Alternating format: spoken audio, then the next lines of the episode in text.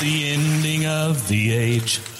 And one thing that's for certain, it grows closer every day. But I am not concerned about the way it's gonna end. Cause I've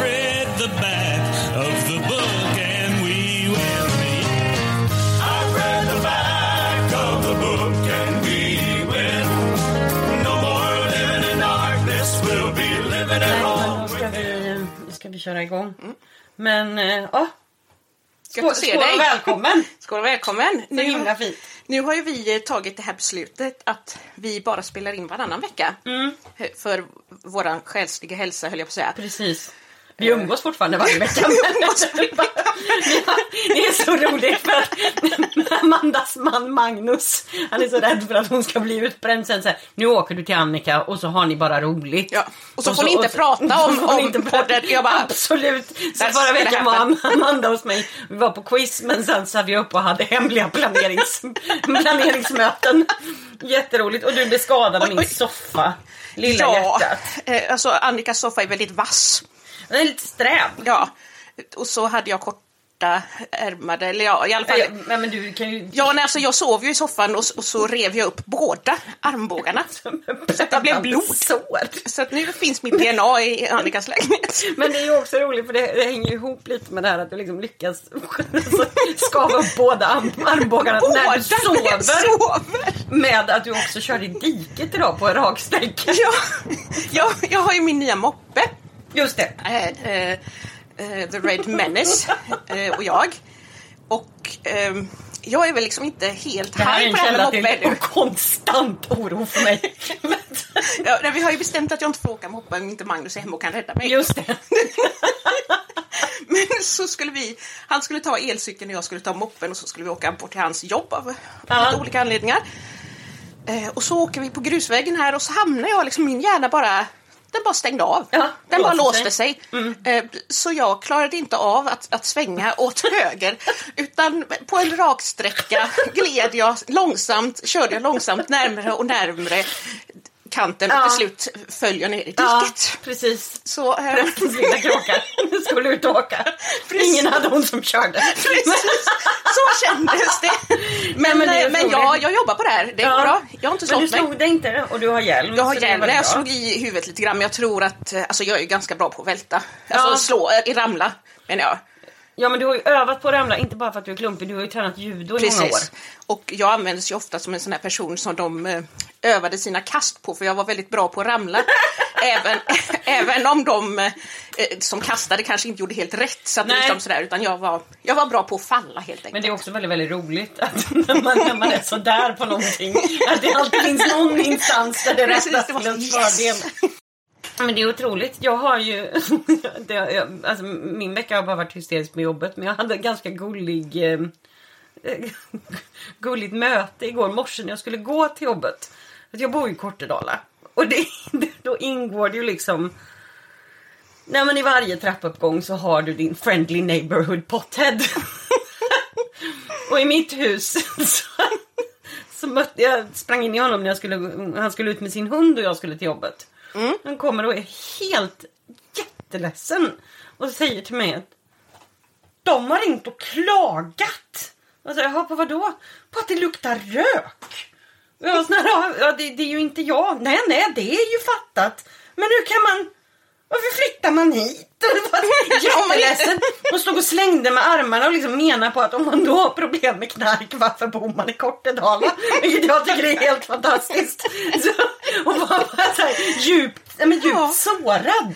Ja, men jag tyckte att det var så fint. Han har blivit- bara så här, ja. Nej men han har ju fått knarka i fred i jättemånga Ja. år. Det är ju ingen som liksom har några problem med honom. Och det kan ju också bli sån här för att det är ju, det är ju en fördel att bo granne med stoners. Det händer ju fuck all där inne. Ja, men det är de lugnaste grannarna man kan ha. Men då var det, då, jag muntrade upp honom lite och sa att det är ju sådana där människor som är hemma i nyproduktioner. Ja. Och då blev han på lite bättre humör och sa ja. och vinkade hej då. Men jag tyckte bara att det var så gulligt att han liksom kom och anförtrodde sig åt att någon jävel har golat ner honom. Ja. Men han hade det var ju fått tvungen... brev från, från hyres... Brev? Ja, precis. Oj, oj, då har man inte ens Eh. haft liksom sådär att de går dit och ringer på dörren eller något. Eller Nej precis, kan- alltså, de, i vanliga fall jobbar. så gör de ju Om- i, i vårat hyreshus en sån här grej. Om det är någon som har gjort något fel, Ja. till exempel haft eh, sopor utanför dörren eller någonting sånt. Ja. Då lägger de i, i allas brevlåda att eh, om du känner igen dig i att du lämnar soporna Precis. så ge fan i det. Så, om du känner dig träffad. Så, nej men alltså Ja. det är lite så. Men nu hade han fått ett personligt brev och var helt knäckt. Så Men det är lite gud, protect your stackarn. neighborhood pothead. Nej, men jag, gillade ju, jag gillade ju ditt eh, lägenhetshus där vi gick Mm. in på den jättescary eh, vindsvåning där. Ja. Det, var, det var häftigt. Ja, spökvåningen. Ja. Mm. Det, om, hade, om vi hade varit tonåringar och jag inte hade varit kristen Ja. så hade jag velat sitta där uppe och spela så här Ouija-board. Ja, precis. Mm. Eller vad det heter. Nej men det är skitläskigt. Förlåt. Det är ju inte så att jag tar det med eh, med ett ofantligt lugn när man hör att det börjar knacka i väggarna och sånt där Paniken! Nej, så, men det har, väl, det har väl vi gjort? Ja, så det har vi gjort. Ja, men idag så ska vi ju ha ett litet ämne som eh, vi har valt att kalla för Knutby utifrån. Ja, um jag tror att, att de allra flesta har jättemycket kunskap om Knutby, utan uppenbarligen då min man som har levt under en sten. Eh, Vilket är jätteroligt eftersom Mm. jag tror ju att, alltid att jag har pratat om saker men det kanske jag har pratat om med, då med Annika och inte med honom Ja men tidigare. hur kan man missa det? det, alltså, det är som, ja, mållöst. Ja. Jag vet inte, jag vet inte. Han tittar bara på Netflix och lyssnar på, på eh, musik. Ja. Ja. Japansk mangamusik, det är hans grej. Men verkligen. Japansk jazz, en annan grej. Um, Apropå mangaporren som är hemlig.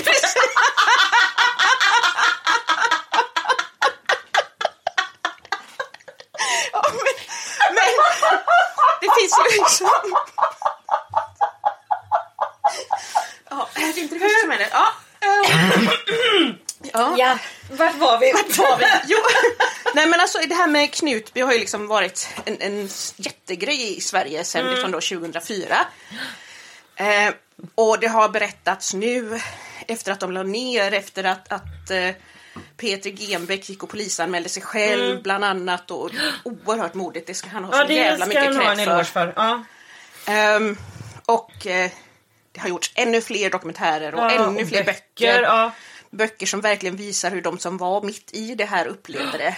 Eh, både som barn och, och vuxna. Mm.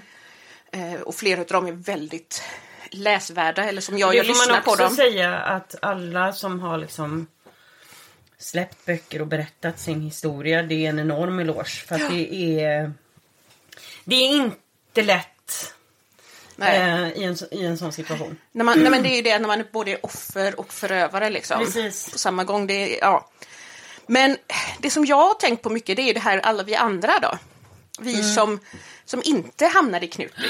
Vi som eh, eh, var när, i närheten av den typen Ja. av undervisning. Vi som, eh, för min del, som träffade Kristi brud och Elosa Valda vid några tillfällen. Ja det var det jag skulle Ja. tro att jag avbryter men jag tänkte på det för att det blev ju så eh, när skotten kom Ja. 2004. Det var ju så, det blev ju jättesvårt för dig för du, hade, du kände ju människor som var där. Jag hörde, det var ju fyra tjejer från min församling Ja. Eh, som hamnade i Knutby. Och, eh, en av dem är Emma Mm. Genbeck. Eh, och det kan jag säga nu därför att hon är öppen med det här också. Hon leder ju sektpodden Precis. som ett väldigt bra tips. Precis. Och vill ni Ehm, veta mer om Knutby så har de haft väldigt många Ja, de avsnitt. har haft de pratar om böcker många- ja. och information. Alltså, jättebra grejer. Alltså, bara lyssna på dem. Börja nästan gå in och lyssna från första avsnittet. Ja. För det, man vill inte missa liksom. Nej. Men så, så ehm, vi som inte hamnade där. Mm. Eh, ibland liksom av misstag känns det som. Och vi som hade vänner som var där, vi som liksom sådär, för, för mig blev det ju liksom att hela mitt liv på något sätt blev upp och ner Mm. när det här hände. Därför att det sista jag hade hört om en av mina väninnor var att hon var barnflicka hemma hos någon. Just det! Så jag trodde först att det var hon. det alltså hon, ja. innan jag fick veta att det var Sara, jag, alltså den ångesten. Den paniken. Det är jättehemskt för Sara så, men alltså just jag var så rädd att det var min Ja. väninna som liksom vi har umgåtts med sen jag var typ noll år Ja, ja, gammal. ja. ja. Ehm, så det var jätteobehagligt och det var ju också där i samband med det som jag började till slut liksom Jag lämnade min din- tro Ja. i det. Jag var i min slags liksom, dekonstruktion som vi brukar säga att jag, jag hade börjat ifrågasätta och tänka annorlunda och nytt och sådär. Ja. Eh, men när det här hände så bara kände jag att nej, hit men inte längre. Ja. Därför att även om det som hände i Knutby var extremt Mm. så är det ju så att på 90-talet i kyrkan, frikyrkan, eh, så växte ju alla avarter fram. Och det är ju så att Ja. Knutby kan, kan liksom inte bara så här plötsligt uppstår Knutby Ur ett vakuum. ur ett vakuum. Så är det ju inte.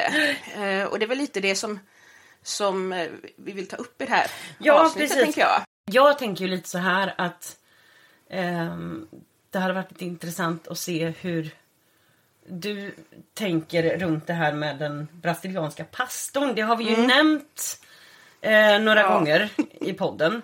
Men vi, vi menar mest på det här att anledningen till att vi vill prata om, alltså ta upp de här bitarna, det är för att hela kristenheten var sån här, när Knutby hände. Ehm, så var det som att alla bara pekade, åh knas eller knas, knas, knas. Ja, och eventuellt Eh. kanske det annars var pingströrelsens fel, men ingen Precis, annans för fel. det är ganska ofta pingstfel. Let's be honest. Men, nej, men alltså det är... ehm, men, men då var det en sån tydlig grej att peka på. Och i och med att det var så jätteknasigt med Mm. liksom mord och allting sånt. ehm, då tror jag att det blev ett sätt att liksom Man kan, peka på att här, där är det knasigt men här är, är det så himla precis. bra. Vi är de normala. Precis, och, och, och sen så börjar alla fråga hur kan det gå så här Mm. fel? Så vi kan tänkte väl bara ta upp några grejer som var liksom Hur exakt det kunde gå så fel. Precis hur exakt det kunde gå så fel och eh, nämna några exempel på vad vi fick för gränslös Ja. undervisning ehm, och eh, allting sånt. Ja. I van, vanliga men i snälla vanliga Örebromissionen snäll- som vi tyckte att alla tyckte ju alltid att Örebromissionen var så himla sansade. Ja. Kul skämt. Välkommen till 90-talet. Ja, Ja. nej. Eh, nej, men, men vi hade ju, vi var på de här lägren på Sundsviksgården eh, Mm. på somrarna och en sommar så var det så att en, en pastor från Brasilien Mm. var inbjuden. Eh, och han var med, det var först då tonårslägret och sen ungdomslägret. Mm. Han, då är det så att, att en av våra pastorer, ehm, hans fru var uppväxt i Portugal som Mm. eh, eller i Portugal, i Brasilien som, som eh, eh, hennes föräldrar var missionärer. Så på något, det är någon, på något sätt den kontakten där som gör att den här pastorn, när han är i Sverige, också hälsar på oss på vårt läger. Och det presenterades som att det var så himla fantastiskt liksom, att han var där. Och han hade ju liksom helt vansinnig undervisning. Det var bara änglar och demoner och Ja. änglar och demoner. Och om vi ber så ger vi änglarna kraft att slåss mot demonerna. Exakt. Så det var, var, det. en Ja. grej. Och han hade vid ett tillfälle... Och det var då han, alltså det hela det här biten med eh, uttrycket att typ eh, krigsföring eh, Ja, an- kriga i and- an- krig, ja. kriga i anden. Ja. Ja, så här, andlig krigsföring. Ja, Ja. precis. Eh, och det var liksom väldigt, så här, han beskrev väldigt liksom, mycket Mm. hur det var, det var svärd och det var grejer. Tydligen så har, har änglarna och demonerna fastnat i medeltiden. ja, precis. Men det var, väldigt mycket, det var väldigt många blonda änglar också. Det var väldigt mycket blonda änglar. Ja, nej, men så, och vid ett tillfälle berättade han att han dog. Just det. Och han var död Ja. eh, en period och sedan återuppvaknade han då. Och då berättade han att han hade varit i himlen och det. träffat Jesus och pratat med Jesus. Och så hade Jesus också visat honom helvetet. ja. För att visa hur fruktansvärt det var där. Hur gamla var vi när han när hade de här Jag var alltså då 18, kanske 17. Ja. 17. Alltså Ja. vi, gick, på gymnasiet tror jag. Men det är därför det är Ja. därför jag vet om att jag har hört honom flera gånger. För jag var ledare på tonårslägret Precis. och sen med på ungdomslägret. Ja. Det, och jag tror du var det också. Nej, jag var inte det. Jag var, ja, det var någonting den sommaren. Men ja, i alla fall. Ja. I alla fall, vi, eh, vi fick då höra det här och så berättar han då dels det här oerhört specifika att Jesus är 33 år gammal Ja, i himlen och precis. att alla kommer bli 33 år gamla Ja. när de är i himlen därför att det var den åldern när Jesus dog. Just det. Eh, någonstans där tänker jag att någon ledare borde ha känt här att vänta lite här nu. Vänta lite där nu. app, app, app. Precis. Men han fick, han fick härja fritt. Det var ingen som ropade källa på det. det Precis. var, nej, nej, Nej. Varsågoda, här är astraden. bi- Bibeln, Ja. nej den behöver vi inte Nej, prata om så den mycket. skiter vi. Mm. Det är viktigt att Jesus är 33. Ehm, nej, men, och sen så, så gick han då vid Jesus sida och så sa Ja. Jesus till honom att eh, jag är ledsen men, men eh, jag kommer att återuppväcka dig därför att ditt jobb på jorden är inte slut. Du Ah. måste åka, eh, du måste predika för alla världens folk typ att eh, om hur hemskt det är med helvetet och att alla måste liksom eh, bli kristna. Ehm, Ja men riktig fire and Riktigt. brimstone. Ja, men verkligen. Eh, och, och det var liksom det här det handlade om hela tiden och det var såna Mm. här, han, han bad och folk föll i anden och skrattade och grät. Och, Precis. ja, det var liksom väldigt masspsykos där. Ehm, och det här är ju liksom, just det, en grej. Han hade foton. Kommer du ihåg det här? Jag har det men fotot, vi lägger upp det. Det var någon sån här, typ, inte dubbelexponerat, men folk rör sig för fort så att det bara... Nej, men det, nej, jag tror att det till och med så- var dubbelexponerat. Ja. Alltså, det är så här, då hade de en barnkör eller ungdomskör Ja. eller någonting som var med på ett möte och sjöng. Och på det här mötet var det så himla fantastisk Ja. närvaro av Gud. Och så var det någon som fotade dem. Mm. Och då ser det ut som att den här stackars barnkören eh, brinner. Ja, Och då berättar han att men det här, det här fotot. Mm. visar liksom hur Guds eld och jag har det här fotot, jag kan lägga ut en Ja, bild på det, det faktiskt. måste- det måste vi göra. måste vi göra för att det Ja. är, ja, och då var det så att han hade då några kopior på, som var typ så på, kop- kopierade på vanligt papper. Och han hade inte så många. Mm. Nej. Så han gav ut de här till vissa personer. Ja, som, han, som han kände var lite så här specifikt så. Ja. Eh, och ehm, jag fick ett ja, ja, det är stort. var stort, det var oerhört Mm. stort då. Och han, han eh, talade om för mig att jag skulle bli en, en viktig missionär. Just det. Så, ehm, Men jag, jag så det är ju liksom där som grogrunden där har finns. vi en sån grej. Ja. Mm. Jag tänker på andra knasgrejer som var. Det var ju de här eh, böckerna. Ja, de här som vi Frank försöker tvinga folk att läsa. Precis. Jag försökte läsa den men jag, jag blir så... Jag blir så triggad Ja. av det så jag kan liksom inte... Nej, jag klarar inte av det heller. Nej. Ehm, det är alltså en författare som heter Frank E. Peretti. Han är en amerikansk skräck och science fiction-författare. Mm. Men han är också djupt religiös. Eh, och då var det så att när, när eh, jag var tonåring och så var jag ju väldigt intresserad utav skräckböcker, det är jag fortfarande. Mm. Eh, jag, är helt jag älskar att läsa skräck och titta på skräckfilmer och sånt. Eh, det är ett av mina stora nöjen i livet. Ja, precis. Men de här böckerna var ju kristna då. Och där var det just det här att, att den här striden mellan änglar och demoner, alltså änglar som pratar med demoner och försöker eh, när folk ber i en församling och en pastor blir extra välsignad och, och de upptäcker eh, sådana här riktiga komplotter mellan djävulen och eh, nästan liksom, ja, ledningen i en stad, politiker och såna här grejer. Och mycket tänker jag också... ehm, var det inte mycket med det här att liksom... Det står ju om andens gåvor. Mm.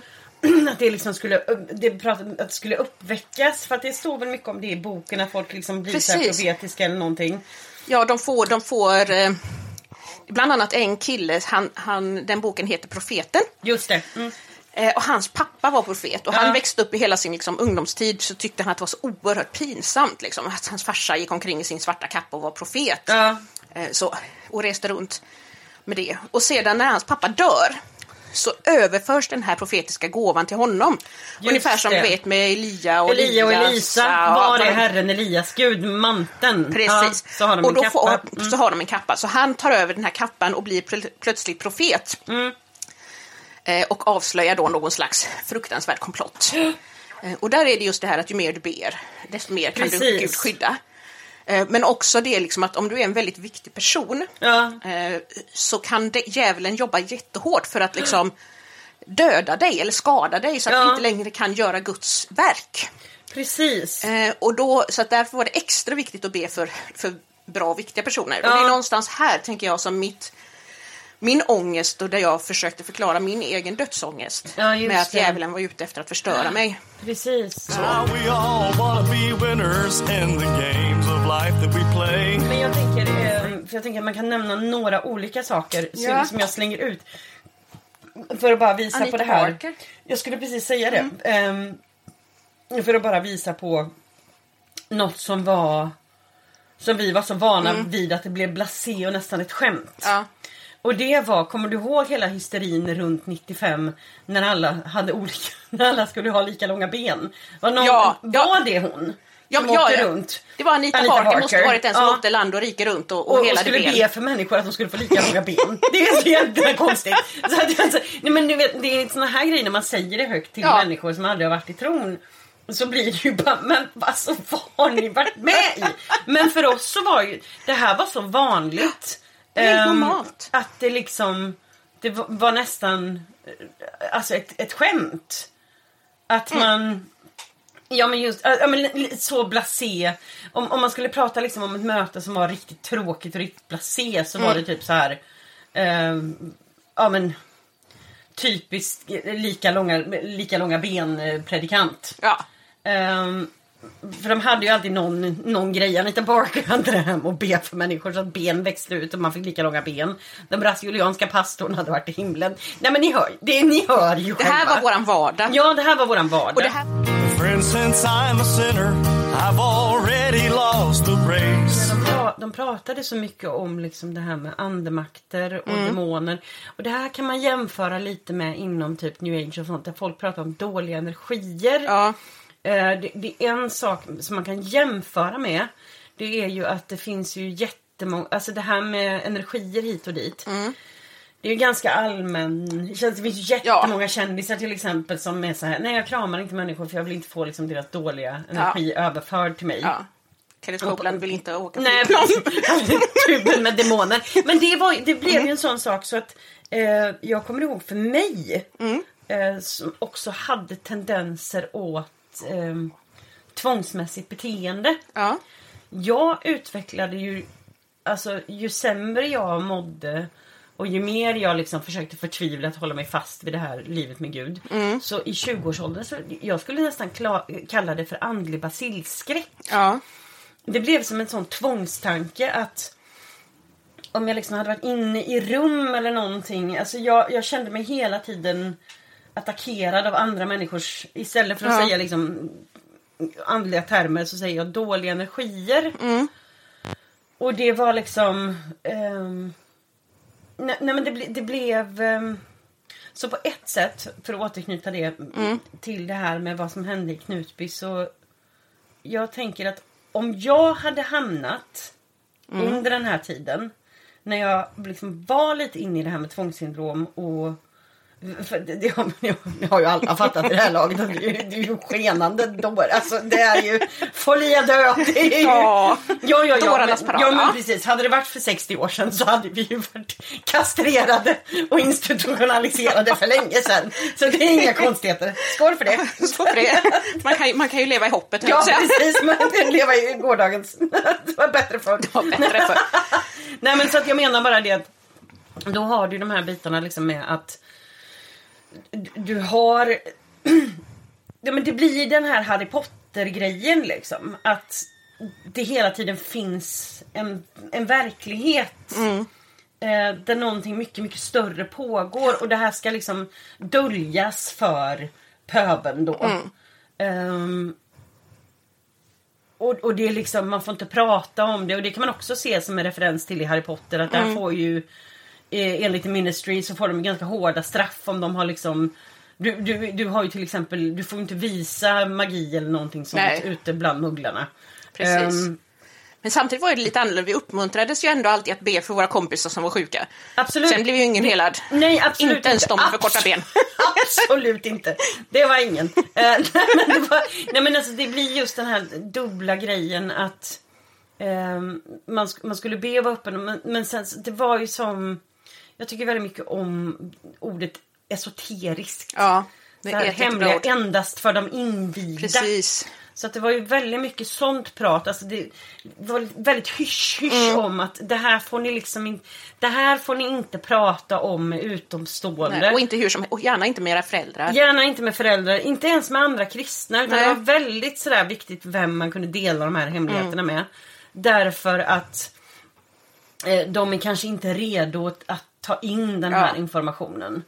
Ehm, och, och sen så hela tiden det här att Gud vill ju Gud vill ju göra så mycket i ditt liv och med dig och Mm. genom dig. Och ska din familj då komma och sätta käppar i hjulet? Precis. Så att det, var, alltså det var ju det som var det sjuka. Det var ju nästan att de... Alltså, de separerade nog alla lite från Mm. sina föräldrar i och med det här överandliga. Och så har man då häftiga ja. ledare Mm. som pratar om en häftig Jesus. Coola Jesus kom Ja. ju in ganska mycket i det här. Oh ja. För vi skulle ju ta på oss Guds rustning och vi sjöng till och med en sång om Guds rustning. det. Mm. Eh, som var den här armar, nej, huvud, Den här lärde aldrig jag mig. Oh, eh, eh, Det var en Saron-grej. det var, var det, ja, det kanske det var, det kanske var en Saron-grej. Det var så här, vad heter Vi sjöng bara ut i Guds familj finns det ingen fantom, där är vi alla lika. Den- den I sjöng vi med. Shoutout. Nej, nej, vi hade vad heter, den här sången man sjunger huvud, axlar, knä och tå, knä och tå. Ja. Och då sjöng vi hjälmen, pansar, stövlar på, stövlar på. Gud. Någonting och sen så skölden, svärdet, sen så kan vi gå. Nej, men gud. Hjälmen, pansar, stövlar Ja. på, stövlar på. Ja, någonting Oj, sånt här. ja. Eh, Så att vi uppmuntrades ju liksom att ta på oss Guds rustning. Mm. Eh, Och det här skulle liksom vara då för ett krig. Mm. Krig mot andemakter. Jag menar, det står ju i Bibeln. Det är ju inte så att det här bara hittar på. Nej precis. Det är inte mot eh, fiender av kött och blod som ni Nej. krigar mot utan det är andemakter i höjden och djupet och allt vad det. Precis, så, att, så att liksom, det står ju i Bibeln. Mm. Men i alla fall, nej, så det var en verklighet vi levde i. Ehm, vi hade, alltså det här är ju bara två av de här pastorerna och de kommer ju liksom då utifrån, den här Ja. brasilianska och även Anita Barker som jag bara- forskar i just nu och letar Precis, reda på mer ja. info om. Eh, men inte bara det. Nej. Det var ju alla de här olika... Alltså, an, det, kallas för andeutgjutelse. Ja. Och det kallas att det kommer... och Det är som att de pratar om eh, eh, Pensacola-väckelsen. Ja. Det var...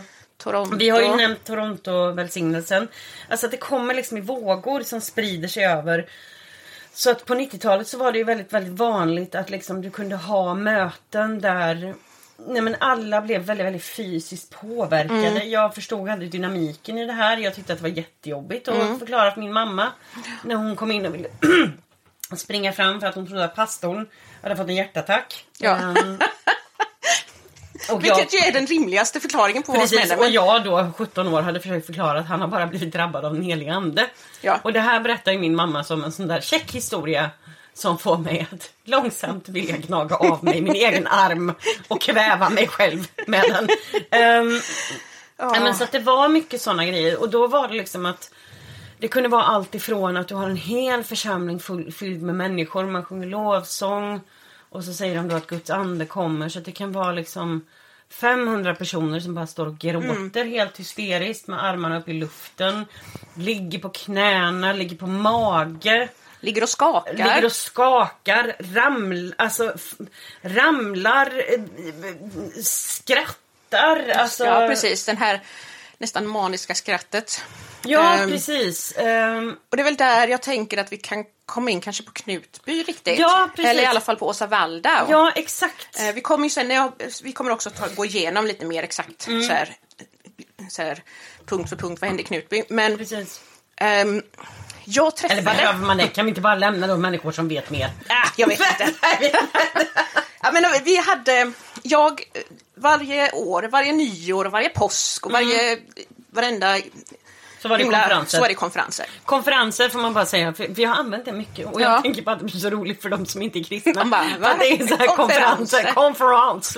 Nej men det är så här, då är det att man samlas någonstans en helg. Mm. Och så har du liksom olika talare och så har du jättemycket så här lovsång och bön och det är liksom, ja men i princip som Ja. olika före, föredrag för som håller predikningar. Och så brukar konferensen avslutas med en jättestor, Jättestor lovsångskonsert eller någon Ja. sån här gudstjänst. Och då är Ja. det så att då kommer det ju liksom tusentals Ja. eh, unga kristna från hela Sverige. Ja. Och det här var vi på Olika i alla rörelser. fall en gång i månaden. Ja, nej, inte så ofta var vi Tror, inte det tror kanske. du inte det? Ja, Jag vet inte. De som jag kommer ihåg mest är ju de här som var över påsk. Därför att då var det alltid att Jesus hade uppstått. Så att då var, var ju alla tvungna. också. Mm. Ja, och då var ju alla tvungna att liksom falla i anden lite grann. Sådär. precis. Och sen, och sen var det ju nyår. Ja, Eh, nyårsexplosion. Nyårsexplosion. Och det var ju, ja, det var ju pingst och det var mission Ja. och det var vi i Örebromissionen och det var, ja, men det var väl Alla. alla, alla, Ja. utom Svenska kyrkan. För fick aldrig vara med. Vi tyckte att ni var så oj. ekumeniska. Oj, oj, vi glömde bjuda. Och det kunde vara helt vansinniga grejer liksom. Mm. Vi hade, jag vet en gång, då var vi på Eriksberg tror jag, i Göteborg. Ja, vi var på något ställe i alla fall. Mm. Eh, Och då kom det in en pastor från Stockholm och det är så jobbigt att jag inte kan komma ihåg vem det här är. Ja. Men hans, han hade med sig något gäng på typ 20 ungdomar eller någonting.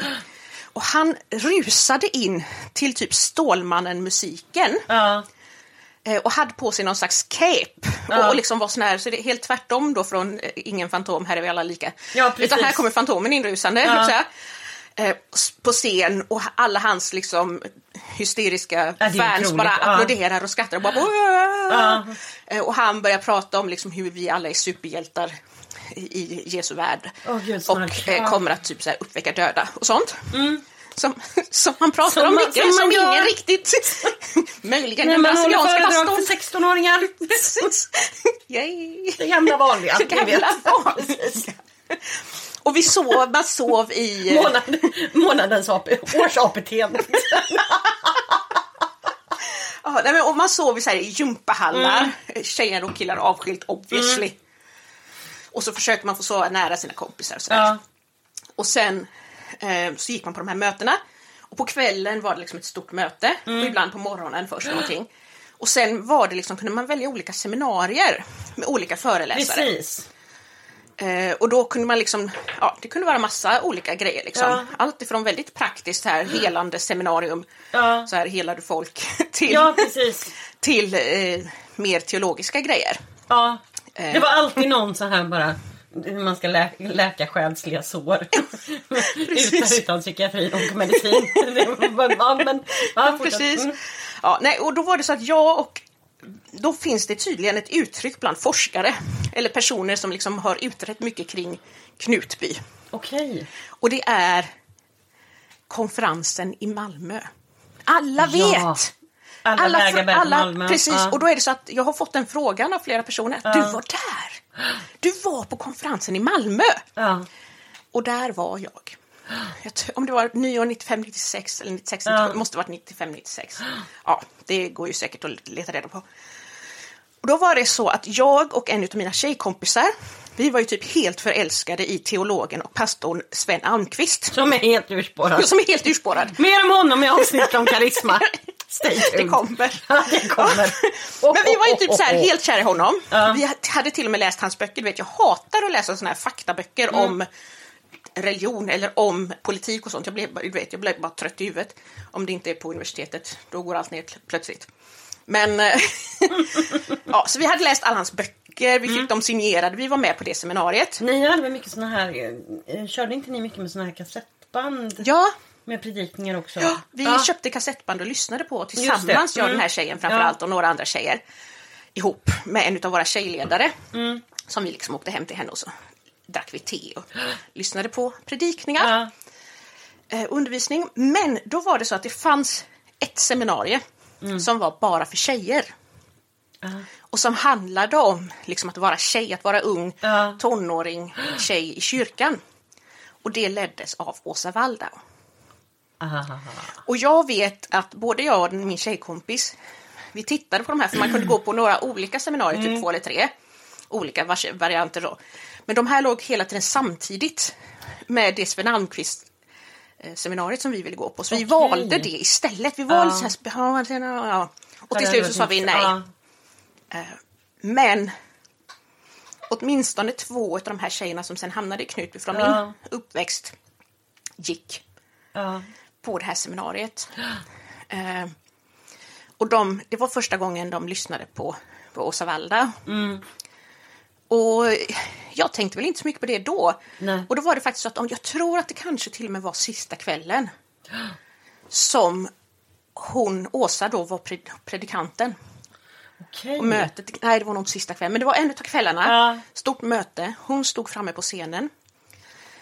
Ett stort lovsångsteam, jättehärlig, jättebra musik. Ja. Ehm, och hon predikade därifrån, liksom, gick fram och tillbaka och predikade. Hon hade sitt långa vackra hår. Ja. Eh, Hon hade snygga kläder, men ändå lite konservativt. Mm.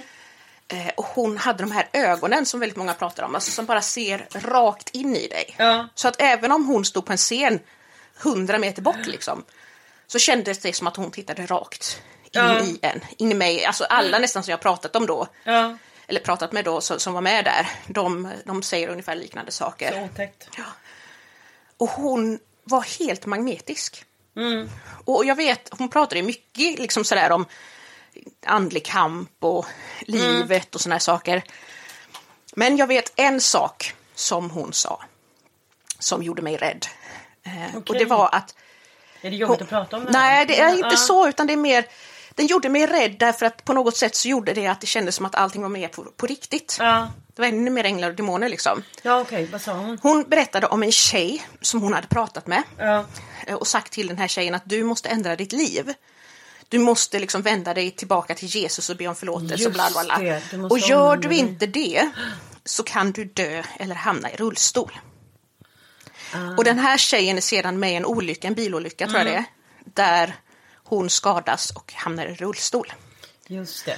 Eh, sen är ju såklart frågan om, om, om Åsa hittade på den här berättelsen Ja. innan eller kanske efter det här hade hänt. Men eh, på något sätt var det så att det fick oss alla att förstå att det hon säger kommer direkt från Gud. Exakt, därför att det är ett indirekt hot. Ja, Mm. det är ett indirekt hot.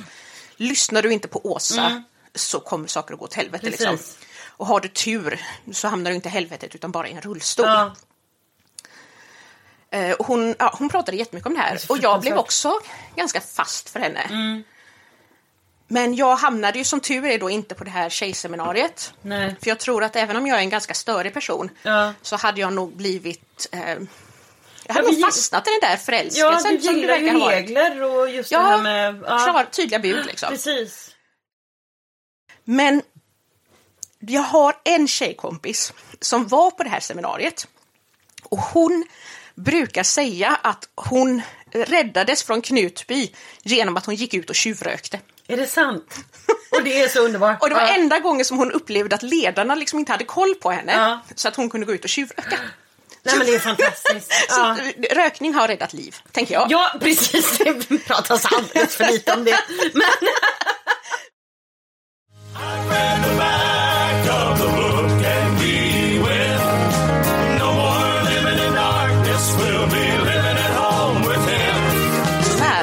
Nej. Eh, Jag är ju annars ganska känslig för energier, Mm. eller vad vi ska kalla det för.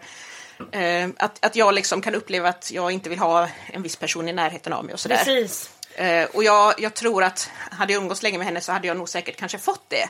Men jag såg henne från scenen och sedan såg jag hur glada de här tjejerna var som hade varit på hennes seminarium. Hur Ja. de kände sig sedda, upplyfta. Att det var helt okej att inte vilja liksom eh, göra sig snygg för killarna hela tiden. Man Ja. kan vara snygg för sig själv om man vill. Eller man Precis. behöver inte sminka sig. Eller man behöver Nej. inte liksom göra allting som alla andra gör hela tiden. Det är okej att vara lite töntig liksom.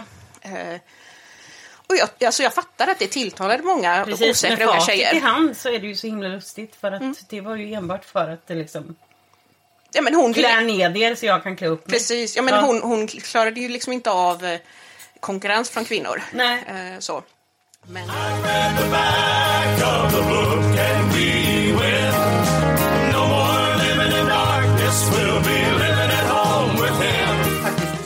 klagat på, på podden för att de tycker att vi skålar för lite. Så ja, skål! skål igen. för dig, Amanda. skål för. Skål. Skåla för lite, det räcker Ja, inte. att nej, det kostar att vi häller upp mer vin ur våran, ur våran Ehm, deprimerade box. Förutom alla män som säger att vi ska lösa ljudet. Vi hade en ganska rolig diskussion om det igår faktiskt.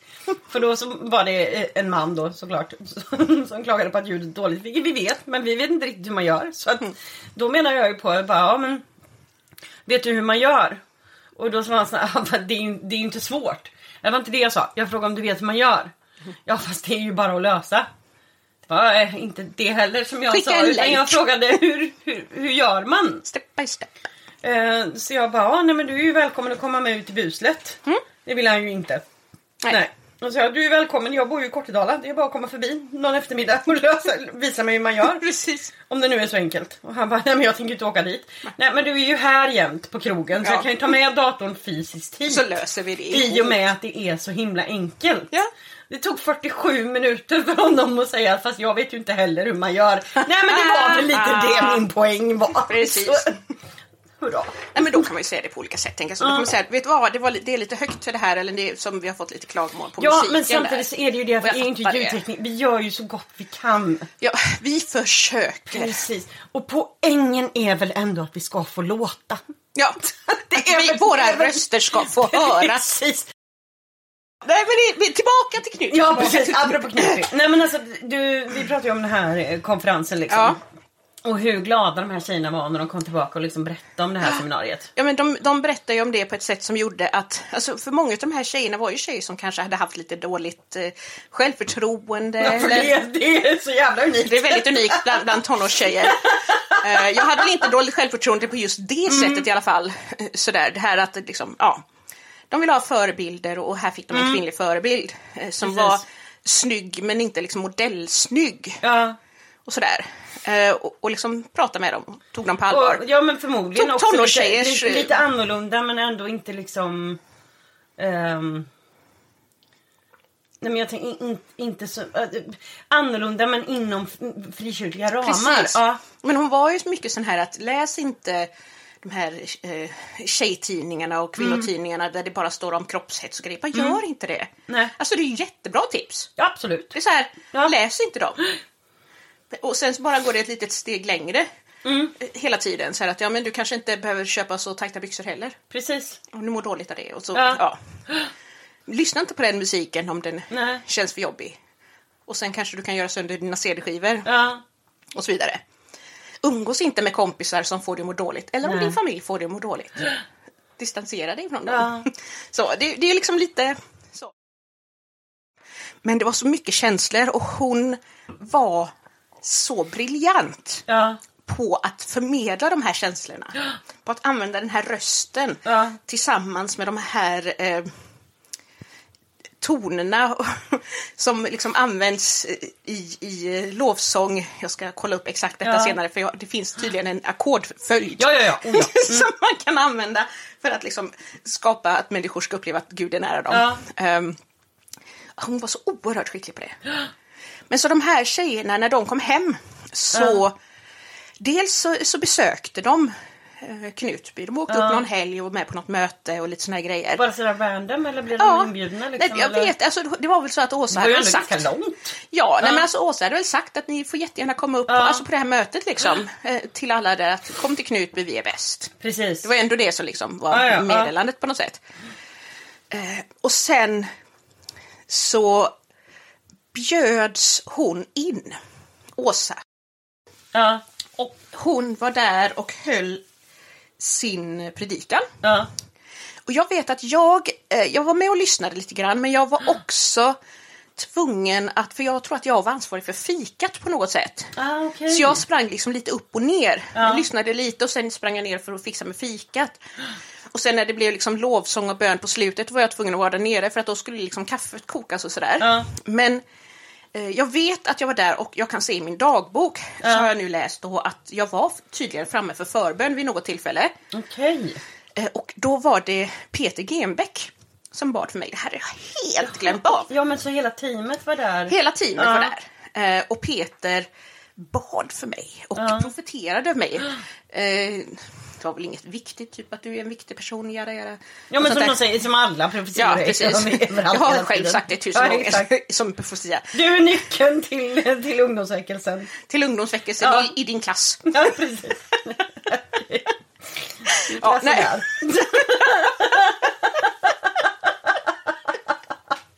Ja, nej, Ja. Så, så det var jag tydligen, men det har jag helt, liksom, hade jag helt tappat bort. Sådär. Mm. Eh, Och sen var det så att efter det här mötet så blev det någon typ av kontrovers. Ja, Och det är här det här kommer in igen då med Knutby utifrån. precis. Att någonting hände på det här mötet som Ja. gjorde att jag har senare förstått då att Åsa Waldau inte var, var eh, välkommen längre Välkommen tillbaka. Precis. tillbaka. Mm. Ehm, Men det var inte så att någon talade om för oss ungdomar vad som hade hänt. Men ni fick sa... noll förklaring. Vi fick noll Alltså, förklaring. ja. Ingen sa till oss... eh, vi fick ju inte ens veta att hon inte var välkommen Nej. tillbaka. Och det hade ju varit praktiskt att få veta Men det. hur, hur fick ni reda på det? Alltså vad... Alltså nej, utan hon var där en gång. Mm. Och sedan för, alltså, jag tror att det måste ha varit kring 2004 då när skotten Mm. i Knutby, när mordet och mordförsöket sker. Och jag reagerar och jag pratar med min mamma. Ja. Och hon säger att ja men vi såg ju till att hon, eller styrelsen då, Ja. såg ju till att hon inte fick komma tillbaka. Just, okej. just Och det var ingen som hade berättat det för oss. Nej. Eh, Och i ljuset av det som jag har hört nu, som du har berättat, Mm. eh, så är ju det faktiskt väldigt allvarligt. Att, att man stänger Ja, ute den är- informationen från, från ungdomarna. Ja. Kan inte du berätta det? Jag kontaktade en av ja, men, mina gamla lägerledare liksom. Ehm, men han berättar ju för mig att Sen så får man ju tänka på liksom att det här kommer ju ifrån ett, ett kristet perspektiv så jag får väl försöka förklara det här på ett Ja. profant sätt. Världsligt sätt också. Men jag har märkt på honom, för jag kommer ihåg att när vi var i tonåren under flera, flera år så, så liksom när han undervisade eh, så pratade han om eh, alltså så här, att eh, liksom, ja, men med villoläror och ehm, Alltså fienden kan komma förklädd i, i fårakläder och allting sånt och pratade om en kvinna som han hade träffat som, som var så obehaglig. Och det är liksom, nu klipper vi fram 25 år i tiden. Och jag fattade i somras när jag träffade honom att den här personen som han liksom pratade om som han tyckte var så himla obehaglig eh, men aldrig nämnde vid namn var Åsa Waldau. Ehm, därför att hon hade lagt sin hand på hans axel och sagt Hej! Och så namnet. Eh, och han hade tyckt att bara hennes beröring var så obehaglig så att han kände liksom mest spontant för att springa hem och, och duscha i vigvatten och svinto. Ja. Uh, Och det gäller här att en del. Ja. men en del människor är mer känsliga för den typen Ja, utav Precis. utstrålning. Och det, ja, jag vet det, inte. Det, jag är fortfarande känslig för, alltså vissa människor med. får ju jag, alltså, jag, jag vill ju, nej men alltså jag vill ju jag behöver ju spy ibland nästan när jag nej, men träffar pe- vissa typer av personer som vissa jag är bara väldigt undviker. obehagliga. Men hon hade lagt handen på hans axel och sen så var han sån här, han, eh, han tyckte att hon var obehaglig och äcklig. Mm. Alltså det här han, när, för det, det jag tyckte var så intressant när han beskrev henne och liksom Ja. just det här hur sliskig han upplevde henne. Det är första Mm. gången som jag har hört en man beskriva en helt vanlig dag i en kvinnas liv. Nej men alltså Mm. Ja. just det här, alltså det här liksom predatoriska Ja, sexuella beteendet liksom. Att han, han tyckte att hon var väldigt obehaglig. Så, och han var ju väldigt ung då så att han var ju li, lite nervös liksom. För hur ska jag handskas med det här? Är det liksom jag som är eh, överkänslig och överandlig förmodligen Ja. som en normal person som han var ifrågasätter. Har jag så höga tankar om mig själv Precis, jag tänker att jag någon kan fatta. äcklar sig Ja. mot mig? Nej men du vet allting sånt och eh, efter mycket om och men så gick han till eh, eh, huvudpastorn då. Ehm, jag vet inte om man- Nej, vi kan bara säga huvudpastorn. ja, Första pastorn, huvudpastorn. Första pastorn i Saron under den här tiden. Och, och liksom sa med hans då eh, termer det finns en historia om i bibeln om ehm, Isabel. Hon var en drottning. hon. hon var en drottning och hon var, det pågick. Mm. Eh, och hon var liksom väldigt sådär, höll på med magi och eh, var väldigt eh, frisläppt sexuellt och var ganska modisk och liksom Mm. Ja. Hon blev väl uppäten av hundar till slut tror jag. för hundarna ska äta Isabels kött. Precis! Hon ramlade ner från ett torn. Det var så hon Ja, Och sen så åt hundarna upp henne. Uh, nej men alltså hon var ju... Hon är ju den... Alltså man kan säga att Isabel i Gamla Testamentet kan jämföras med de här klassiska historierna om häxor. Ja. ehm, som har varit. Eh, så han gick, magi och sex liksom. Ja, alltså med ockultism. Alltså, Ja, ja, o- bara, precis. Mm. bara o- obehaglig liksom ehm, karaktär. Eh, och Alltså, det- just, just den här, men jag tänker på det här också från när vi pratar om predikaren. Mm. Då fann jag något bittrare om död än döden, kolon, kvinnan. Nej men, nej, men alltså just det här med, med att någon som liksom vill eh, binda en till sig. Ja. På no, på no, alltså det hela tiden är liksom snaror på något sätt. För, för att hon är ju... Ja, vi eh, vet ju det idag. Isabels Att, karaktär är ju otroligt man, manipulativ. precis. Eh, och det, kan, det är väl det minsta man kan säga Ja. om Åsa Waldau. Ja, men vi vet ju Eh. idag att hon hade ju eh, problematiska relationer med eh, unga pojkar Ja. eh, ganska tidigt i, i sin pastorstjänst eh, i Uppsala eller vart det var där hon till slut Precis. blev avskedad. Ja. Och det är ju ändå så att hon, hon var ju faktiskt ett par med Patrik Waldau Ja. långt innan han fyllde 18 år. Ja gud och de ja. bodde ju, alltså, de, de var ju ett par från hon var 25 och han var 15. ja, men, since I'm a sinner, I've already lost the race. Han hade liksom fått den här önskan då att få, få dit Åsa Waldau som, som talare. ja. Eh, och det här var ju som sagt en speciell period. Vi har ju nämnt det med liksom ungdomspastorn Ja. som bjöd in den brasilianska pastorn.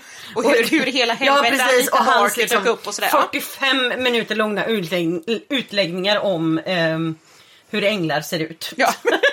Ehm, och, så att han lär ju ha haft ett sjå. Ja. Alltså det, det kan ju inte ha varit... eh, det, det, det var ju inga semestertider för honom.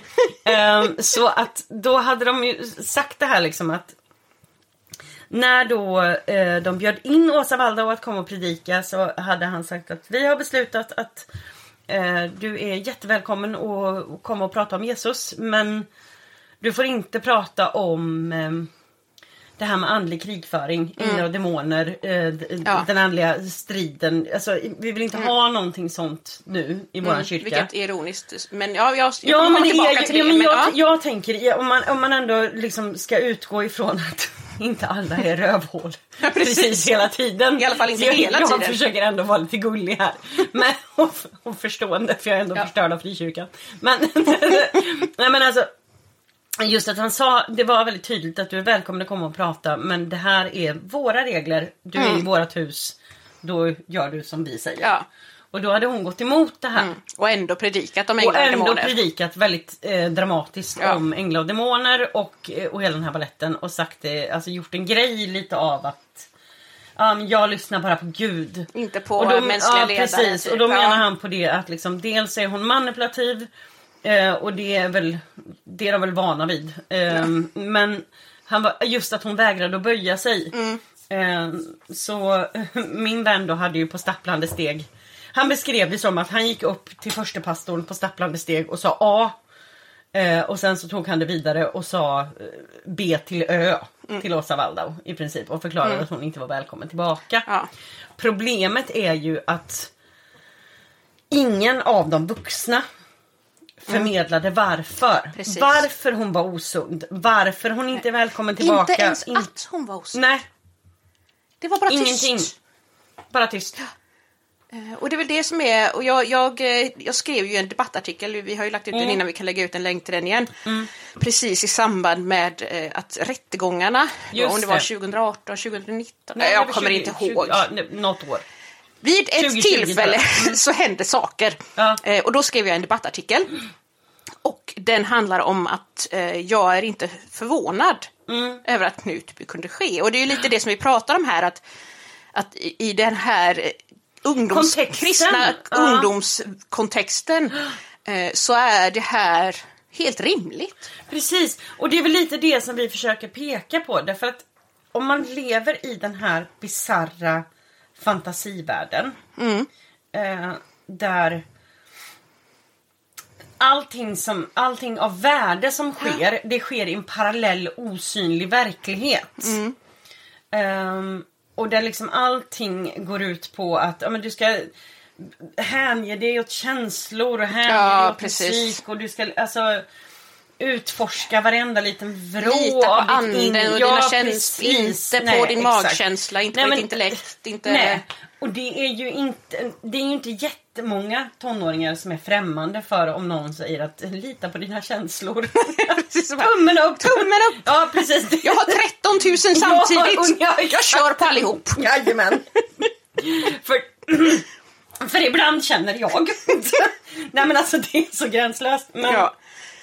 Nej, Men alltså det är ju, alltså hela det här händer ju i den här kontexten. Ja. Alltså Knutby dyker inte bara upp. Men Nej. det som jag dessutom, alltså det som skiljer Kristi brud, höll jag på att säga, det som skiljer Knutby-teologin Mm. ganska mycket från den, liksom, den normala kristna teologin. Det är ju idén om att då Åsa Waldau skulle vara Kristi brud. Precis. Men det här att Kristi brud tolkas ju då som oftast, alltså det står i Bibeln jättemycket om bruden och Kristi brud och hit och dit. Ehm, och, och eh, hela Höga Visan. Jajamän. Eh, Men det är är ju erotiskt, eh. klassiskt sett tolkat Ja. som Att det är församlingen. Varför nu då Vilket Gud vill penetrera, penetrera den. Och så- varför- så att varför säga, Gud tycker att- idka älskog. Men, Varför, varför Gud tycker att församlingen har, har bröst som get, killingar. Ja, precis, det är lite precis. oklart. Nej, men alltså, det- det- Nej, men så ja. jag har hört den här teologin tidigare. Mm. Inte liksom att det skulle vara Åsa Waldau, men jag har från andra ställen, Mm. från svenska förkunnare, hört tanken om att det står inte i Bibeln Nej, att Kristi brud är församlingen. nej, Det kanske är en människa. precis. Så även det här, även det här som liksom blir den stora teologiska Mm. liksom, situationen i Knutby finns innan detta från Oh, ja. andra bibellärare och förkunnare. Det vill säga de är inte nödvändigtvis bibelkunniga men de är Ja. lärare eller förkunnare ändå. Eh, så, så det kan inte ha varit så hundra procent jättekonstigt ändå och det är tänker jag. det jag menar. Därför att alltså, de, de flesta människor som liksom ser sekter spåra ur. Ja. Eh, de tittar ju på det från en profan världsbild där man liksom inte har någonting, alltså profan betyder världslig. Ehm, Icke-religiös. eh, icke-religiös. Sakral religiös. Ehm, nej men, man, man, då tittar ju de ifrån alltså ett helt annat perspektiv och tänker att hur kan det gå så här långt? Och då menar jag bara så här. Om vi bryter ner det här och börjar med att eh, det finns en gud som har skapat hela jorden. Du kan inte se honom. Eh, det finns inga tydliga bevis för, att, för någonting. Eh, men det finns, det, det finns en Jesus gud som man väljer att tro på. Precis som att liksom f- alltså fornnordiskt så trodde man att när det åskade så var det Tor som Ja. red omkring med sin Och hammare.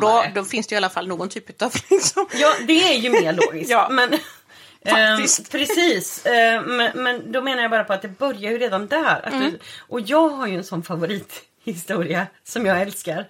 Och det var ju att du växte upp i en superkristen familj. Mm. Men de tyckte att det var lite onödigt att tro på tomten. Ja. Kan du inte berätta bara den historien? Ja, alltså Annika frågade mig vid något tillfälle och jag vet inte exakt hur vi kom in på det, men vi Nej. pratade, vi pratade i alla fall om så här, vad man trodde på och inte trodde Ja. på. Eh, och då, då pratade jag om det här med tomten när, vi var barn. Liksom. Eh, att det för mig, vi liksom trodde aldrig på tomten sådär, utan det var, det var väldigt tydligt att det var pappa som hade klätt ut sig. Ibland Ja. var Matilda med och hon var någon slags tomtenisse då, min stora syster. Eh, och, och liksom, ja, vi fick liksom inte tro på det. Nej. Och jag kände liksom redan även idag faktiskt att det är rätt skönt så här. Man ska inte liksom ljuga för barn om att det finns Nej. magiska varelser. Ja, men det är ju det är ju det som roligt. Att jag då känner och då i det här ögonblicket säger till Annika, men jag tror att det var så att vi inte fick tro på tomten därför att tomten finns ju inte. Nej, men, det, nej, men det, var, det du sa var att vi fick inte tro på tomten för man fick inte tro på magiska varelser som Precis. inte finns. Man får inte tro på magiska Och det är varelser. det som är så otroligt. alltså, Ni får inte tro på tomten som ger dig presenter, Ja. men ni måste tro på Jesus som föds ja, ja. Utav, eh, utav en virgin. Ja, This makes precis. so much Nej men det är sense. lite det jag menar. Nej men alltså det är ju det här jag menar. Det Mm. är ju såna bisarra saker. Det är ju... Alltså herregud, jag gick på en bibelskola där vi liksom hade lektioner i exorcism. Ja. Ehm, alltså man skulle, man skulle liksom hålla på och be för sjuk. Det ena med det tredje. Mm. Så jag menar bara det. Att steget när någon säger att Hörru du, jag är Kristi brud. För människor som har varit indoktrinerade i det här i Mm. hela sina liv. Det är faktiskt inte jättelångt. Nej. Och det är det som är hela poängen. Nästan med podden. Ja, Nej, men, alltså, men med, verkligen. Med, med, med allting. Alltså det är att förstå att de här sakerna de uppstår inte ur ett vakuum. Nej. Därför att när det är så knasigt från början. Eh, alltså om man faktiskt tittar på det och Mm. tänker på det. Så är det att det som människor ser det är att det här med att liksom människor la ner hela sina liv för att Åsa hade bestämt att hon var Kristi brud. Ja. Eh, det är i deras verkligheter fem mil bort. Ja. Men om du har liksom redan accepterat Gud, accepterat Jesus, Mm. accepterat tungotalet som att det är normalt att det kommer en pastor och predikar om himlen. Mm. Att det är normalt att det kommer en konstig tant från Uddevalla som ska se till att alla har lika långa ben. Ehm, ja. Om du har gjort allt det här och, och det är liksom Du är redan, du är liksom redan, Då- in, då- det är redan precis. normaliserat. Exakt, och då menar jag bara att just den grejen att det successivt händer, det Ja. här med Kristi brud. Då är det inte längre om du indoktrinerar det här från liksom barndomen, då är det inte fem mil emellan. Mm. Nej. Då är det kanske fem centimeter åt Precis. vänster. Ja. För det är... Sen så tar det ju av. Jo, men det av, är men- så, så himla mycket. Men det är ju också det Som som, som jag menar som handlar om det här som de kallar för dödskulten i Knutby. Då är det ju så att eh, det händer ju väldigt mycket i Knutby. En av de Ja. första viktiga sakerna man säger som händer i Knutby är ju när Helge Fossmos första fru dör. Just det. Och då är det så att eh, dels eh, får de inte lov att sörja henne. Nej. Eh, men dels är det också så att hon ansågs stå i vägen Just det. för, för Kristi brud och hela det här. Och för, för att då, det var ju ändå så att Helge Fossmo då redan hade ett, ett åtminstone delvis sexualiserat, sexualiserad Ja. relation då med, med. Åsa Waldau. Ja. Där han skulle liksom vara Jesus åt henne. Ställföreträdande. Ställföreträdande, ge henne sexuell Ja. njutning. Ehm, och när då, i och med att frun dör, eh, hon, hon har varit i vägen och så predikar man istället att hon eh, Gud, Jesus tog hem Ja. henne så att hon inte skulle behöva leva längre och hamna i helvetet Ja. ungefär därför att hon liksom Precis. hade den här så kallade antibrudanden då som de brukar Exakt, prata om. ja. Det vill säga alla som någonsin kritiserade Åsa eller var snyggare än henne. Oerhört många. Oh, ja, precis. Alla var vid ett eller annat tillfälle, Ja. eh, i, så här, framförallt kvinnorna då, antibrudanden. Och då skulle de straffas och isoleras. Ja, Eh, Men, så då har du den här kulten att döden är inte ett problem. Precis. Och samtidigt är det ju så att jag, då som är uppväxt med mycket ångest, eh, hade dödsångest. Eh, för mig var himlen var någonting som jag ville till. Ja, Jag brukade be att jag skulle få dö för att vara i himlen. Därför att i himlen så skulle jag åtminstone inte vara så trött, ha Nej. så ont i hjärtat, Ont i mamma som var Mm. sjuk, ont i själen, ja, men du vet allt det här, liksom depressionen. Nej, men man såg ju himlen som, alltså... När det var jävligt jobbigt på jorden så var himlen var en, ju... en sak, det, det här kan vara, nu, nu kommer jag faktiskt vara personlig, Ja. men jag har... ehm, jag har från jag var liten ehm, alltid brutit ihop till fattig bonddräng. Ja. Från Emil. ja. Men det var, det var just jag tror att det, är, det blir en speciell sak för människor som har det svårt. Så blir hela bilden av himlen eh, den här att du ska få vila ut. Eh, men det är svårt att prata om himlen för att det är så mycket känslor som är Men som och har sorg lagt som det. är, Ja, precis. Och, och som man har lagt så mycket hopp och tro och längtan till. Mm. ehm, och allting sånt. Men det blev ju också det som var nästan kulmen på det hysteriskt karismatiska 90-talet det var ju att alla, det blev nästan, det, det här med dödskult, det spred sig även till den vanliga frikyrkan. Det var inga konst, alltså jag har varit på så många möten där folk har alla ni som är beredda att dö för Kristus, upp med en hand. Och, alltså det var... Det pratades om folk som hade blivit nerslagna för att de var troende. Ja, ja, ja. Det var liksom... Och det står ju i Bibeln också att ni ska bli förföljda och håna. Alltså du vet, Mm. Ja, och, och många av de första kristna blev ju martyrer. Liksom. Precis. Ehm, Så. De dog för så sin tro. Döden är ju väldigt, väldigt närvarande hela tiden. Hela tiden. Eh, och jag vet inte om det är så himla vanligt att liksom... Alltså, jag tänker vanliga tonåringar som Mm. inte är kliniskt deprimerade som vi var. Ehm, och med 7000 obehandlade diagnoser. Ja. Men, nej, men alltså, jag, jag, jag kan liksom inte... De, de får starta en egen podd. Ja. men, precis. Men, nej, men alltså, det, det, var, det var jättesvårt Mm. att navigera sig igenom för att det blir ju problemet med kristendomen. Att du får inte ihop det. Det är så svårt. Eh, och du har hela tiden det här, ja men i himlen. Sen, Ehm, nästa liv. Det sen här är en prövning, liv. men i nästa Det här liv. är bara, ja precis. Du kan vara fattig, du Ehm, kan leva genom krig. exakt. Men i nästa liv. Det var så himla himla fokuserat Ja. på döden hela tiden. Men döden var någonting som vi levde med sen vi Ja. var tonåringar. Ja, och också det här kommer jag ihåg för att jag som kommer från en icke frikyrklig familj. Alltså det var ju... Jag hade ju fattat efter några år liksom att eh, min mamma, pappa och min syster de kommer ju inte bli frälsta. Nej. De kommer ju brinna i helvetet och jag måste bara separera mig från dem för att jag kan inte... Jag kan, jag kan inte göra mer. Alltså, Nej. och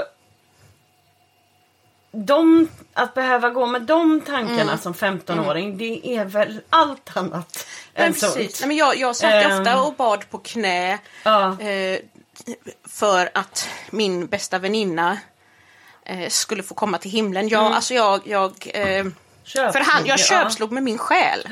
Där jag sa att om bara hon får komma Ja. till himlen så kan jag åka till helvetet i hennes ställe. Ja. Alltså så mycket var döden närvarande Ja. för oss. Och där som hände sen då är ju att eh, jag fick en jätteintressant berättelse utav en, en utav våra lyssnare Ja. eh, som berättade om sin tid på bibelskolan. Eh, också dessutom på Götabro där jag också Ja. gick. Så jag tänkte såklart då att ja, men det här var väl ändå ganska lugnt och sansat. Ja. Och då hade de lektioner. Oh nej! Oh, Va? Då hade de lektioner i Ja. andegåvorna. Ja, ja. Och lite beroende på vilka texter man läser så finns det liksom lite olika Ja. typer och, och, och antal gåvor då från Precis. anden. Och en utav gåvorna var att bli martyr. Just det. Alltså att, att man, man kunde få den andliga gåvan att dö för sin tro. Ja. Och hennes eh, största skräck var att just få Ja. den andegåvan. När man liksom hade lektioner då när man skulle försöka hitta sin sig andegåva. som ett trauma Ja, och då blir det ett trauma liksom att, att tänk om det är den andegåvan som är min. Men Så det- vi levde med det och Ja, ifrån men- den här grejen, ifrån det här att, att vara beredd att dö. Alltid, Ja. varenda dag var vi beredda att dö för Kristus. Och han kunde Eh, komma till när att- som helst. Ja, Ja. Till att döda för Kristus. Ja. Är inte så långt som det låter. Nej, det, och det är lite det som... För att som döden som- är inte... Den är inte det största problemet. Nej, och den är inte... Den är liksom inte definitiv Nej. heller. Det är bara som en metamorfos in i något annat, Mm. in i något bättre. Och jag tänker ofta på det här med... När det kommer till det här med... ehm, ja men... Alltså kyrkor som har då inom situationstecken spårat ur. Ja. Eh, vanliga tråkiga församlingar till fundamentalistiska församlingar till sekter till Ja. vad som helst. Det som blir så himla rörigt för Mm. människor som är i den kyrkliga världen. Mm. Att navigera sig igenom det här. Det är exakt som att man skulle hamna på Hogwarts Ja. i Harry Potter. Eh, och du har alla de här lektionerna. Du har potions, du har eh, Defense against the dark arts, du har herbology. du har, ja, men du har liksom alla de här olika grejerna. Och sen så bestämmer någon helt plötsligt från ingenstans att det är okej med ehm, Defense against the dark arts och att åka kvast. Men det här med herbology känns lite osunt. Alltså, i, I en värld av hittepå menar jag bara. Så blir det väldigt svårt att navigera vad som är liksom lite extra hittepå. Lite det- extra osunt. Ja precis! Hur, för hur ska man veta? För att Ja. grunden som är lagd för ens kristna tro är ju redan så extremt bisarr. Och det var Ja. också någon som, Jag fick en sån himla bra kommentar för det var en eh, vän som hade lyssnat på avsnittet om förhudarna. Ja. Där vi skrattar så mycket avsnitt, om ja. eh, nun, nunnan Katrin. Ja, så med sin, Eh, med sin osynliga... Ja.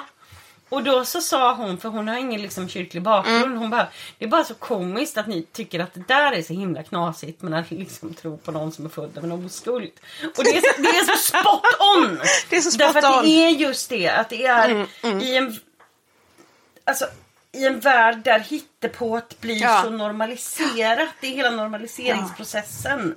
Men jag, jag tror att för mig, det som, det som hände för mig, jag har ju sagt det i, i tidigare avsnitt, där jag pratar om hur jag lämnar tron eh, och sådär, är ju att det absolut bästa som hände mig var att jag slutade tro på himlen. Ja, Därför att om himlen inte finns, då behövs inte helvetet. nej. Och, och då liksom, det spelar ingen roll, jag skiter i vad som händer sen efter att jag har dött. Liksom. Jag bryr mig inte. så. nej. Men för mig var det oerhört viktigt att helvetet är oerhört viktigt för att hela kristendomen ska funka. Ja. Annars är, är, liksom, annars är kristendomen helt oanvändbar. Precis. Ointressant. Men om jag då slutar tro på himlen, då, då behövs ju inte helvetet alls. Mm. Nej. Så oerhört skönt. Och då har du de här då som lever i olika sekter och i det här fallet då i Knutby. Ja. Och de vet att himlen väntar. Och om himlen inte kommer, då kommer helvetet. Ja. Och då kanske det till och med är bättre att döda någon ja. än, än att den personen ska hamna i helvetet. Jag tänkte på en grej, en, en sån sak som är för att Alltså jag kommer ju ihåg när, när Knutby hände. Mm. Ehm, så var det ju, då var det ju mest så här, ja ah, men det är någon, ännu en kyrka som Ja, har spårat precis. Det var, jag tror inte ens att jag liksom, det är klart att man blir chockad för Mm, mord och allting sånt. Men just den biten fascinerade ju aldrig mig Nej. sådär mycket för mordhistorier är ju oftast bara pisstråkiga. Mm. Men sen så när jag liksom började fatta allt som pågick bakom. Mm. Det var faktiskt några år senare så läste jag en bok som heter Knutbykoden. Ja. Eh, som handlar om någon som har... Och det är väl typ den enda Knutbyboken som jag inte Ja, har nej, läst. du ska, få, du ska få låna den av mig. Ehm, men det är mycket intervjuer med Helge Mm. och liksom från hans sida. Eh, och det är ju också det, totalt... Det kan man ju inte lita på heller. Nej, men nej. det som jag reagerade på och som gjorde att jag fattade att shit. Det här som han säger är sant. Mm. Det här är inte någonting med, med ehm, och nu säger jag inte att allt han säger är sant. Utan det här när han pratade om Åsa Waldaus position i församlingen som, som Kristi brud. Ja. För att när den här boken kom ut så var ju, alltså, det var ju många, många år innan alltså, Knutby, Knutby imploderade. Ja. Och eh, alltså, under den här tiden, Åsa höll ju på, hon släppte ju en bok också som Ja. heter Vem kan man lita på? Den har jag inte heller Eh, läst. nej, Det den har jag också, du ska få låna, jag kommer. Det är så konstigt att inte just de här två... Ja. Mm. Nej men jag har, jag har ju slukat allt som jag eh, kan, kan läsa liksom.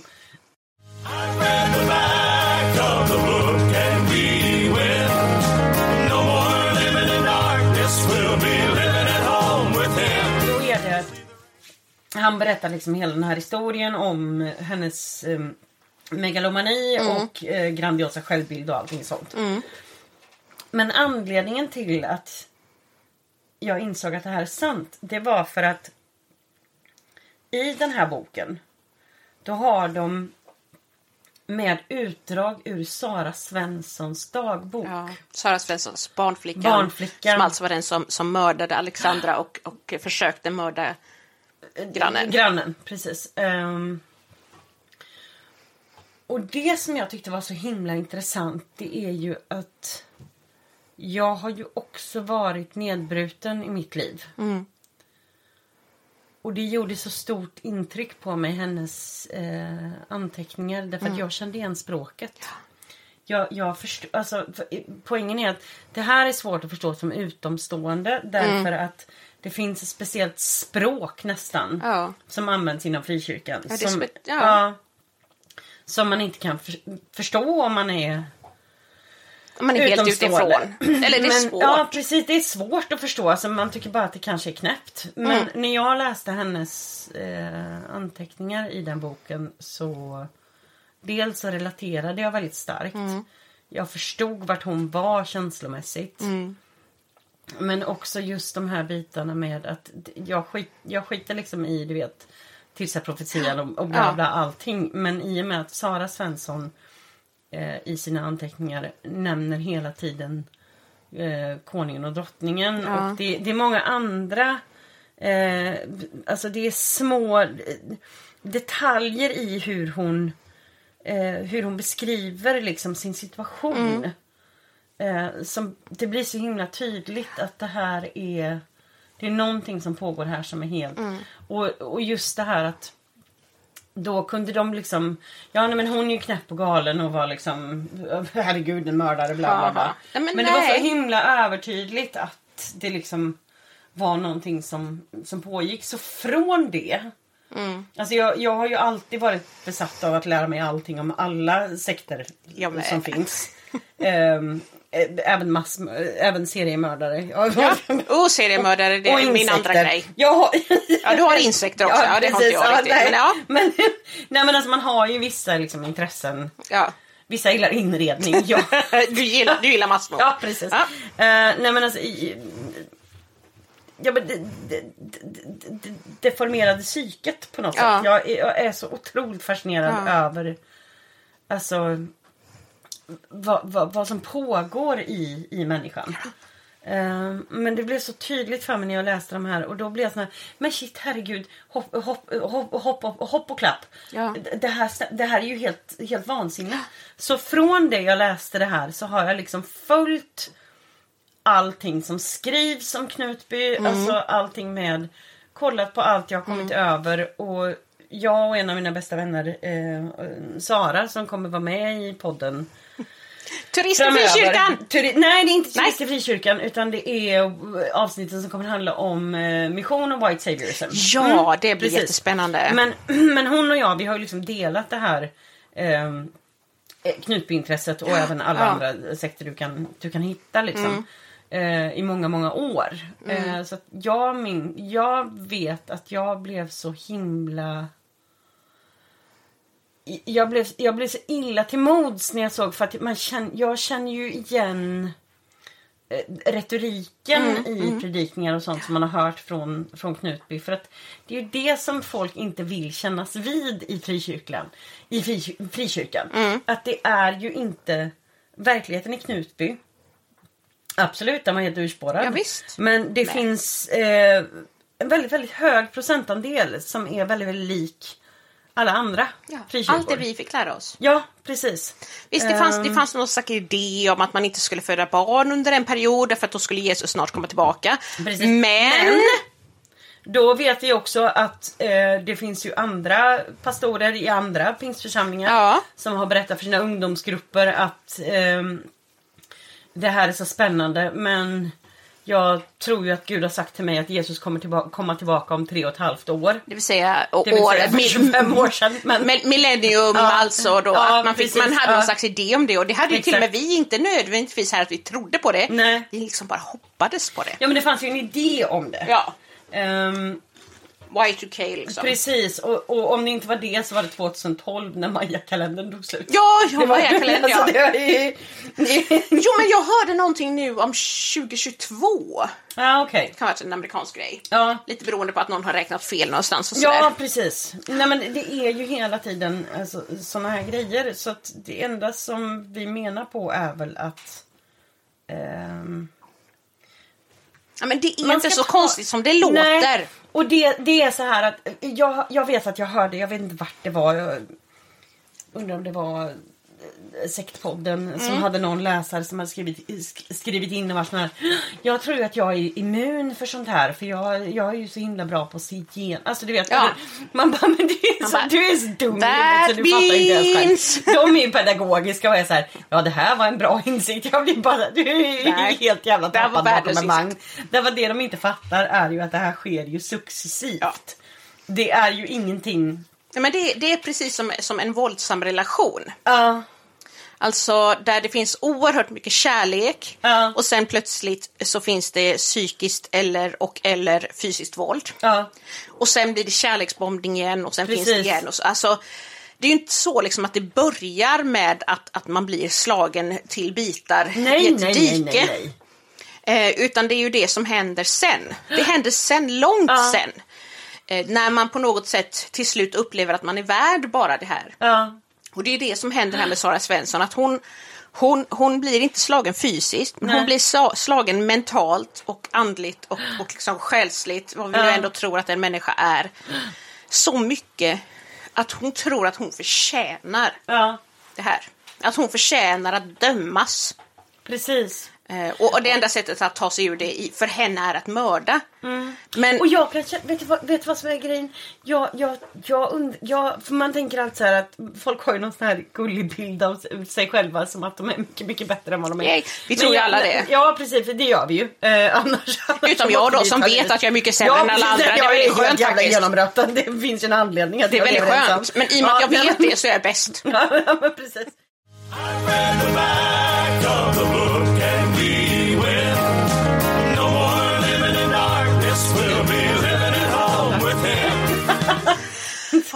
Nej, men jag, jag är ju uppväxt, eh, även om mina föräldrar eh, båda är troende och sådär, så är jag uppväxt i en slags eh, situation där jag, all, jag hade tillåtelse att göra vad som helst. Ja, jag med. Eh, där, och det enda som var viktigt var att eh, om jag inte eh, skulle komma hem den natten så skulle jag ringa före midnatt och säga att jag kommer inte hem ikväll. Exakt.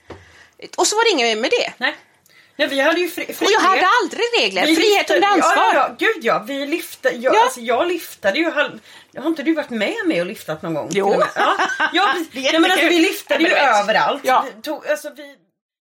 Så länge vi följde reglerna, typ Ja. såhär, inte hade sex, eh, inte söp, Ja. whatever, eh, så hade vi en oerhörd frihet. Ja.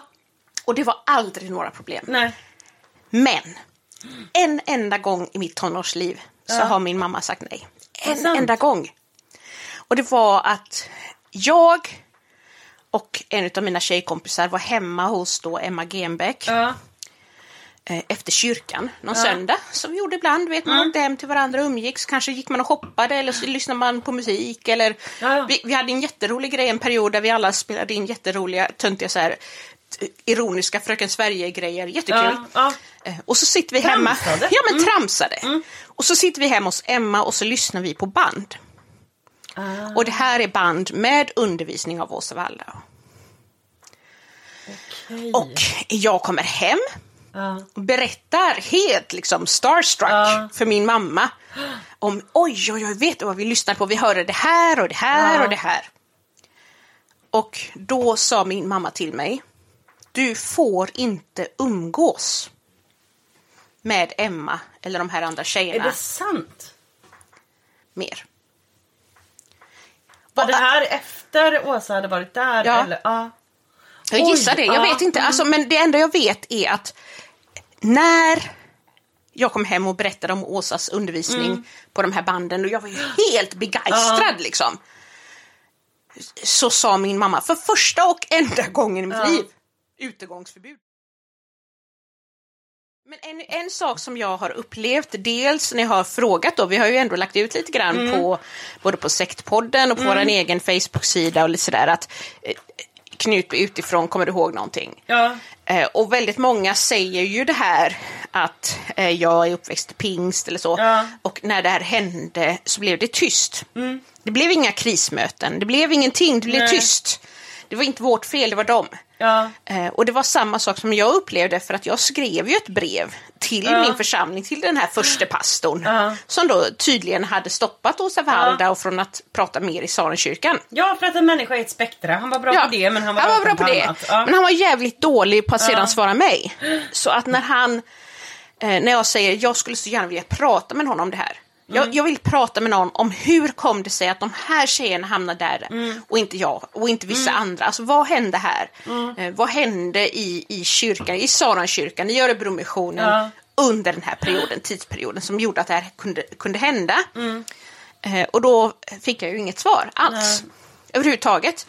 Och sen när jag skrev den här debattartikeln Ja. Plötsligt jävlar, blev det liv i luckan. 08.00 samma dag. Nej, men så, så att artikeln då Ja. eh, publicerades i, i då, om det var, jag tror att det var Expressen, vi, vi kommer lägga ut den längre. Ja. Där jag kritiserar just hela frikyrkligheten Mm. eh, för att det här kunde hända i Knutby och att Knutby faktiskt kan hända igen så länge som ingen tar ansvar. Ja, Eh, och på morgonen ja. 08.00 Jajamän. Då Alltså, jag hade- han in. Då sladdade den, alltså jag, hade haft, jag hade så mycket ångest, jag hade Ja. ätit typ såhär, tusen ångesttabletter. Eh, sen Du bestämde var mig... faktiskt jätteduktig. Du var väldigt vältalig. Det var, Tack. det, det var en alltså bra artikeln, artikel. jag är ju bra på det, text min grej liksom. Ja. Men sen fick jag ju typ så här ångest och åt ångestmedicin och drack sprit. Ja. Så jag sov väldigt gott den natten. Det kan jag tänka mig. Låter- Men vaknar då bakis och jävligt Ja. sur klockan åtta på morgonen av att jag får en massa sms Ja. ifrån då den här tidigare första pastorn. Som plötsligt då eh, har fått tag på mitt telefonnummer. Jag bara, Och en telefon. uppenbarligen, Men alltså det är inte så här att jag är jättehemlig. Nej, nej, så, nej. Liksom, sådär. Men det är ändå så här att han upplever att han då tidigt den morgonen behöver höra av sig till mig. Mm. Och försöker förklara för mig att, att eh,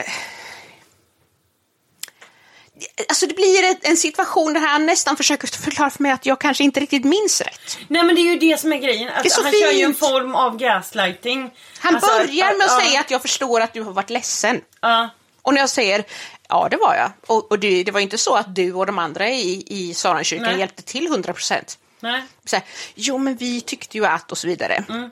Och så skriver jag att ja, men det här är vad, jag, vad som hände och vad jag minns och vad som liksom att jag skrev det här brevet Mm.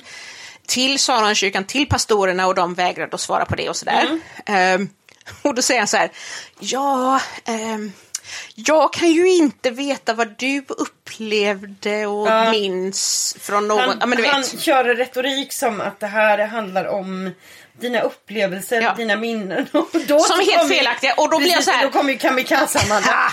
Eh, lungan, jag har dagboksanteckningar. Vill du ha datum? Frågor på det? Alltså så, inte. det är så här, jag har dagboksanteckningar, ord för ord Ja. för ord.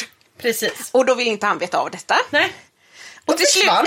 Då var han upptagen igen. Och till slut så frågar han mig, men vad vill du ha av mig? Ja. Och det är då jag blir riktigt jävla elak. Och det här är För snyggt. kan jag min bibel eller inte? High five! High five! Skål! Skål för det! Och vad säger jag Bråka då? inte med bibelkärringar. Bråka inte med bibelkärring! Så då säger jag, jag kräver inget av dig som inte Jesus kräver. Det är fantastiskt. Det är så snyggt. Det är ju det som är så underbart. Bara, man- jag, kräver bara, jag kräver bara sanningen. Precis. Jag man- kräver bara kliv ut Ja. i ljuset.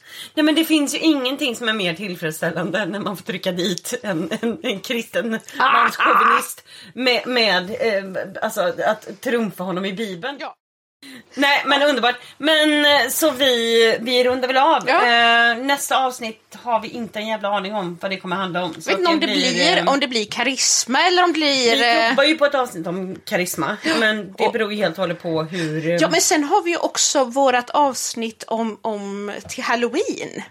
Just det! Jag vill prata om så här eh, häxor och spöken Enhörningar, och enhörningar och och- gastar och grejer i Bibeln. Ja. Det blir jättekul! Det, det kommer bli skoj. Det blir bra. Eh, det kommer och, och lagom då, till halloween hoppas precis. vi. Men eftersom vi nu också tänker att vi kanske har varit inte helt inkompetenta så säger vi väl tack. Tack, tack och adjö för idag. för idag. Tack för att ni har lyssnat. Vi hörs om två veckor igen då. Det gör vi. Gött det. Ha det gött. Ha det gött, hej.